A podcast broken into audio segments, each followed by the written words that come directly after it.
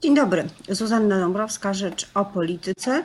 E, oczywiście w wydaniu internetowym, a naszym gościem jest dzisiaj, no oczywiście, że tak, senator Aleksander Pociej, Koalicja Obywatelska. Oczywiście, że tak, bo Senat się bardzo napracował. Dziękuję, że dał się Pan namówić na poranną rozmowę po nocnych e, głosowaniach. Jest uchwalony kodeks wyborczy, zmiany w prawie pozwalające na wybory tak zwane hybrydowe. Ciężko było?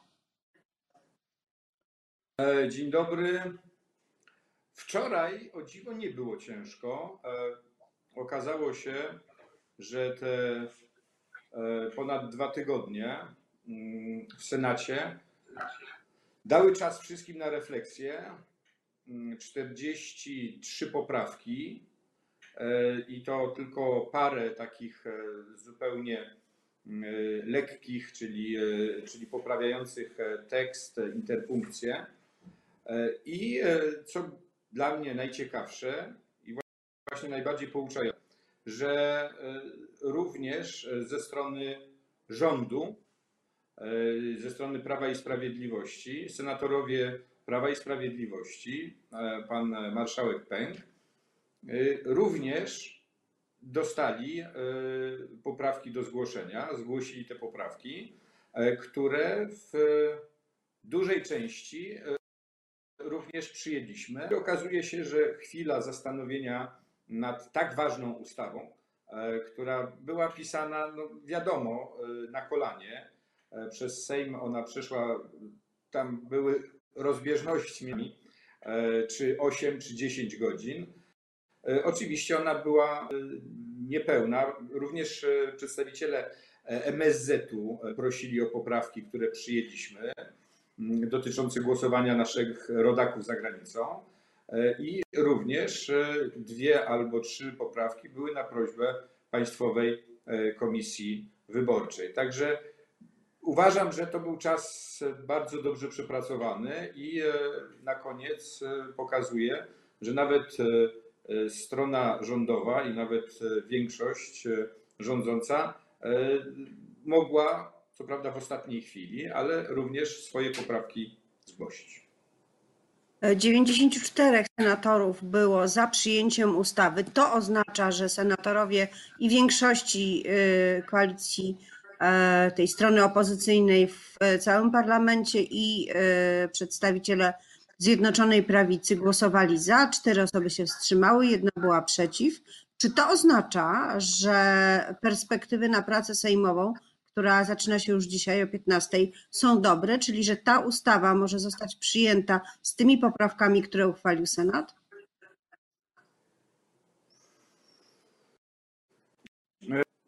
Z rozmów, które mieliśmy, e, dochodząc do, pewnych, e, do pewnego konsensusu, on nie był pełen, ale wydaje mi się tak, że mniej więcej, mniej więcej 60-70% tych poprawek, które wczoraj e, zostały uchwalone, one nawet może 80% powinny przejść. Mm, e, co znamienne, tylko chyba przy czterech albo przy pięciu na te 40 parę poprawek senatorowie e, Prawa i Sprawiedliwości głosowali przeciwko. Przy większości byli za, Natomiast e, przy kilkunastu poprawkach wstrzymali się od głosu.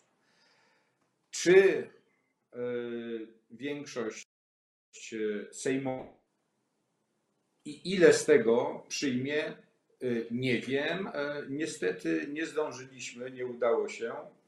Z różnych przyczyn tutaj nie chcę, trudno mi nawet powiedzieć, czy po, po czyjej stronie ewentualnie wina leży, ale nie udało się wypracował konsensusu e, i e, pełnej zgody co do e, wszystkich tych poprawek, które zgłosiliśmy. One generalnie szły w dwóch kierunkach. Pierwszy kierunek to był, i tutaj współpracowaliśmy z MSZ-em, i tutaj nie było rozbieżności. Chodziło o to, żeby dać trochę więcej czasu naszym rodakom za granicą, na to, żeby y, mogli zagłosować korespondencyjnie. E, wiemy, że y, w Europie, no w Stanach to w ogóle widzimy, co się dzieje, Tam jest w tej chwili Armagedon i, i protesty. Więc tam zapewne rodacy będą musieli głosować korespondencyjnie. No i ponieważ to wszystko spływa tam do konsulatów dwóch czy trzech tylko, w, tym stanie pandemii. E, no w związku z tym e, te listy idą z daleka, więc e, tam trzeba było wydłużyć te, te, mm, ten czas reakcji tych, którzy chcieliby zagłosować.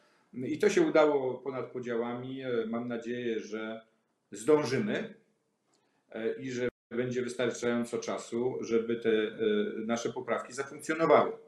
Bo akurat te wydaje mi się, że Prawo i Sprawiedliwość przyjmie. Natomiast druga grupa poprawek bardzo ważnych, chodziło nam o to, żeby mm, zmniejszyć rolę decyzyjną czynników politycznych, czyli e, tam ministra infrastruktury, e, ministra e, zdrowia, ponieważ obawialiśmy się, no i to wprost, wprost o tym mówiliśmy, obawialiśmy się, że zostać wykorzystany ten stan pandemii, czy odkrycie kilku E, czy kilkuset nowych przypadków, a to wystarczy po prostu zacząć stosować testy na większą skalę. No i teoretycznie można e, wykluczyć z głosowania e, takiego normalnego, czyli w, w, mm, w punkcie wyborczym, można cały region wykluczyć. I tutaj ręka w rękę z komisją, z Państwową Komisją Wyborczą, przypominam, ona została już przez większość e, e, Prawa i Sprawiedliwości e, na nowo sformowana. No i tutaj wspólnie z Państwową Komisją Wyborczą doszliśmy do wniosku i przegłosowaliśmy to, żeby jednak tego typu decyzja wyłączająca jakiś obszar z głosowania, powiedzmy sobie, tego tradycyjnego na rzecz głosowania zdalnego, żeby została Y, żeby to wspólne, y, wspólna decyzja wymagająca zgody Państwowej Komisji Wyborczej, a nie członka rządu, no, który nie musi się kierować akurat tylko i wyłącznie kwestiami ochrony zdrowia Polaków, no, tylko polityczną jakąś kalkulacją. A co z terminami? Od początku dyskusji, debaty nad tym przedłożeniem, nad tym projektem zmian, E, wiadomo, że e, krąży widmo daty, konkretnej daty, kiedy mogą się odbyć wybory. E, Prawo i Sprawiedliwość się spieszy. Koalicja Obywatelska zgłosiła nowego kandydata, musi zebrać podpisy. Jak te poprawki, które przyjęto w Senacie, układają ten proces czasowo? Czy mogą w dalszym ciągu, może być mowa o wyborach 28 czerwca? Pani redaktor, powiem więcej jeżeli zostaną poodrzucane wszystkie nasze poprawki, e, e, to tak skrojony jest ten pomysł, e, że jeżeli pani marszałek Witek się uprze, to ona może zrobić te wybory nawet 21. Tam jest no, olbrzymia dowolność. My z tym próbowaliśmy walczyć, ale nie udało się wypracować takiego konsensusu, który by mm, te decyzje, które mogą być zupełnie arbitralne, e, pani marszałek, żeby, e, żeby je jednak wpisać do ustawy i powiedzieć, no nie, to nie jest taka dowolność e, polityka jednej, jednej strony, żeby wyznaczył te terminy kiedyś. Ja, ja dlatego również, ponieważ uważam, że uważałem, że nie ma takich gwarancji, ja byłem wśród osób, które się wstrzymały od głosu, e, e, głosując nad tą ustawą, e, ponieważ no, te obawy u mnie zostają. Mogę tylko, że pani marszałek Witek nie nadużyje dla czysto politycznego interesu tej ustawy i że, i że w jakiś sposób, powiedzmy sobie, cywilizowany, E, wyznaczy terminy e, tych wyborów. Co z poprawką, która określa liczbę dni, którą ma kandydat od ogłoszenia wyborów, jego komitet oczywiście, na zebranie podpisów.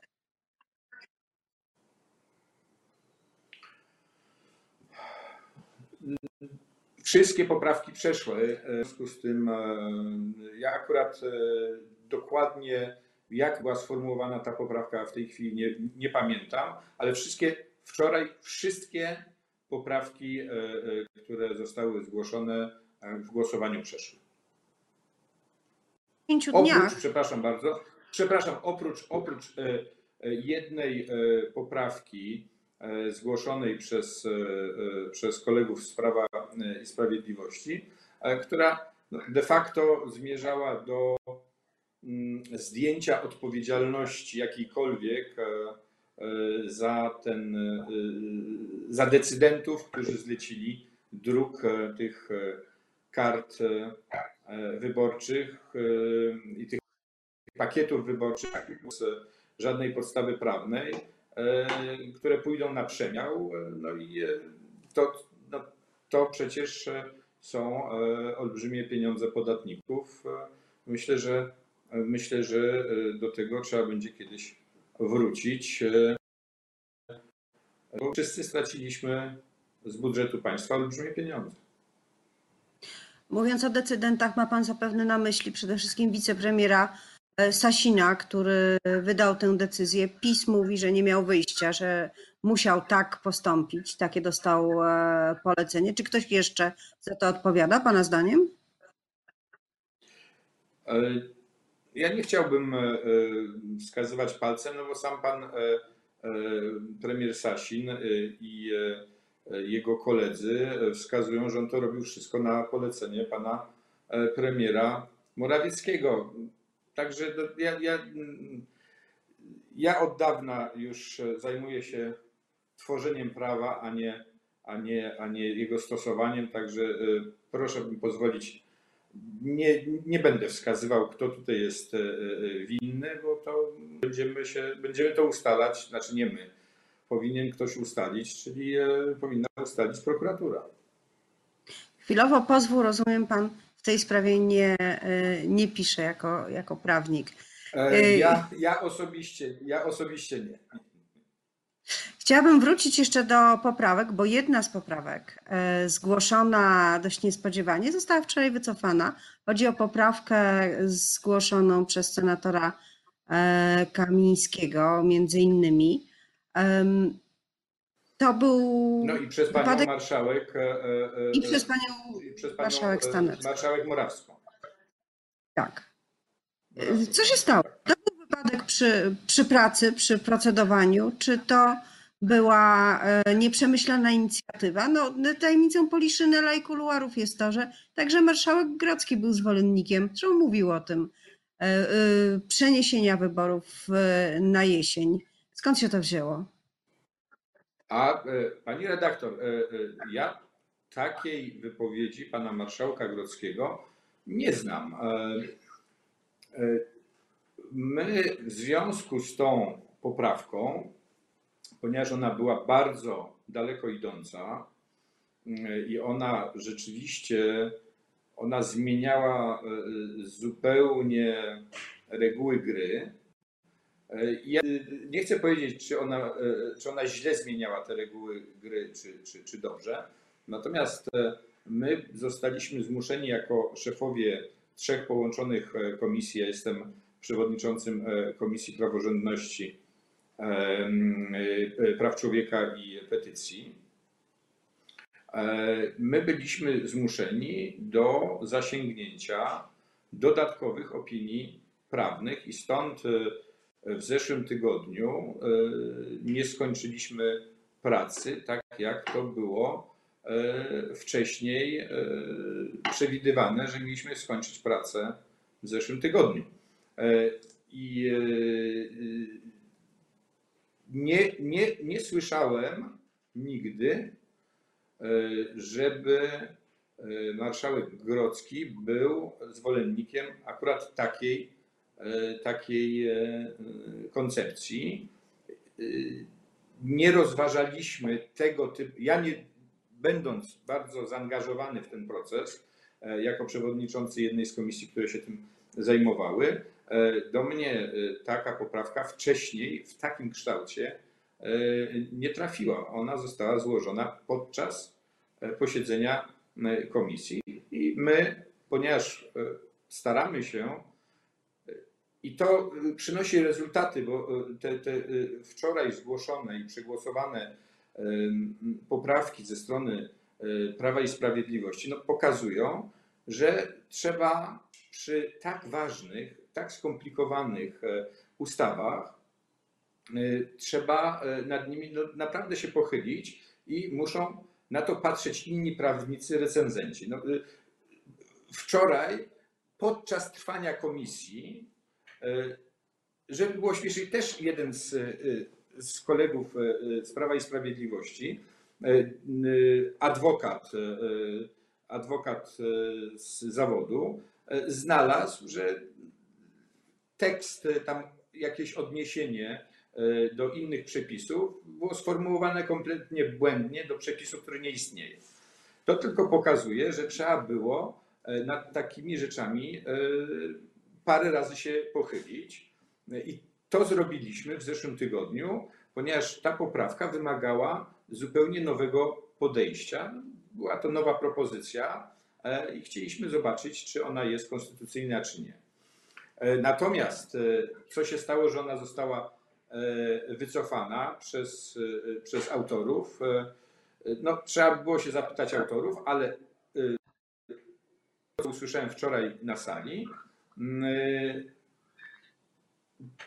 to y, sytuacja y, dla nich zmieniła się o tyle, że w końcu mm, ze straszliwą zwłoką, ale w końcu y, została y, opublikowana uchwała Państwowej Komisji Wyborczej. I w tym momencie faktycznie y, zaistniała w końcu sytuacja, w której można było y, mówić o jakichś terminach y, takich, które w jakichś ramach e, w ogóle mm, się mieściły. No i tak jak stwierdzili autorzy tej poprawki, e, dla nich to było tym impulsem do wycofania poprawek. Dziękuję bardzo za tę analizę, y, panie senatorze. Prosto z Izby Refleksji, rzeczywiście prawdziwej refleksji, która doprowadziła do uchwalenia y, poprawek y, i opozycji, i rządzących. Y, Dziękuję za tę rozmowę i miłego dnia. Dziękuję bardzo. Wszystkiego najlepszego Państwu życzę.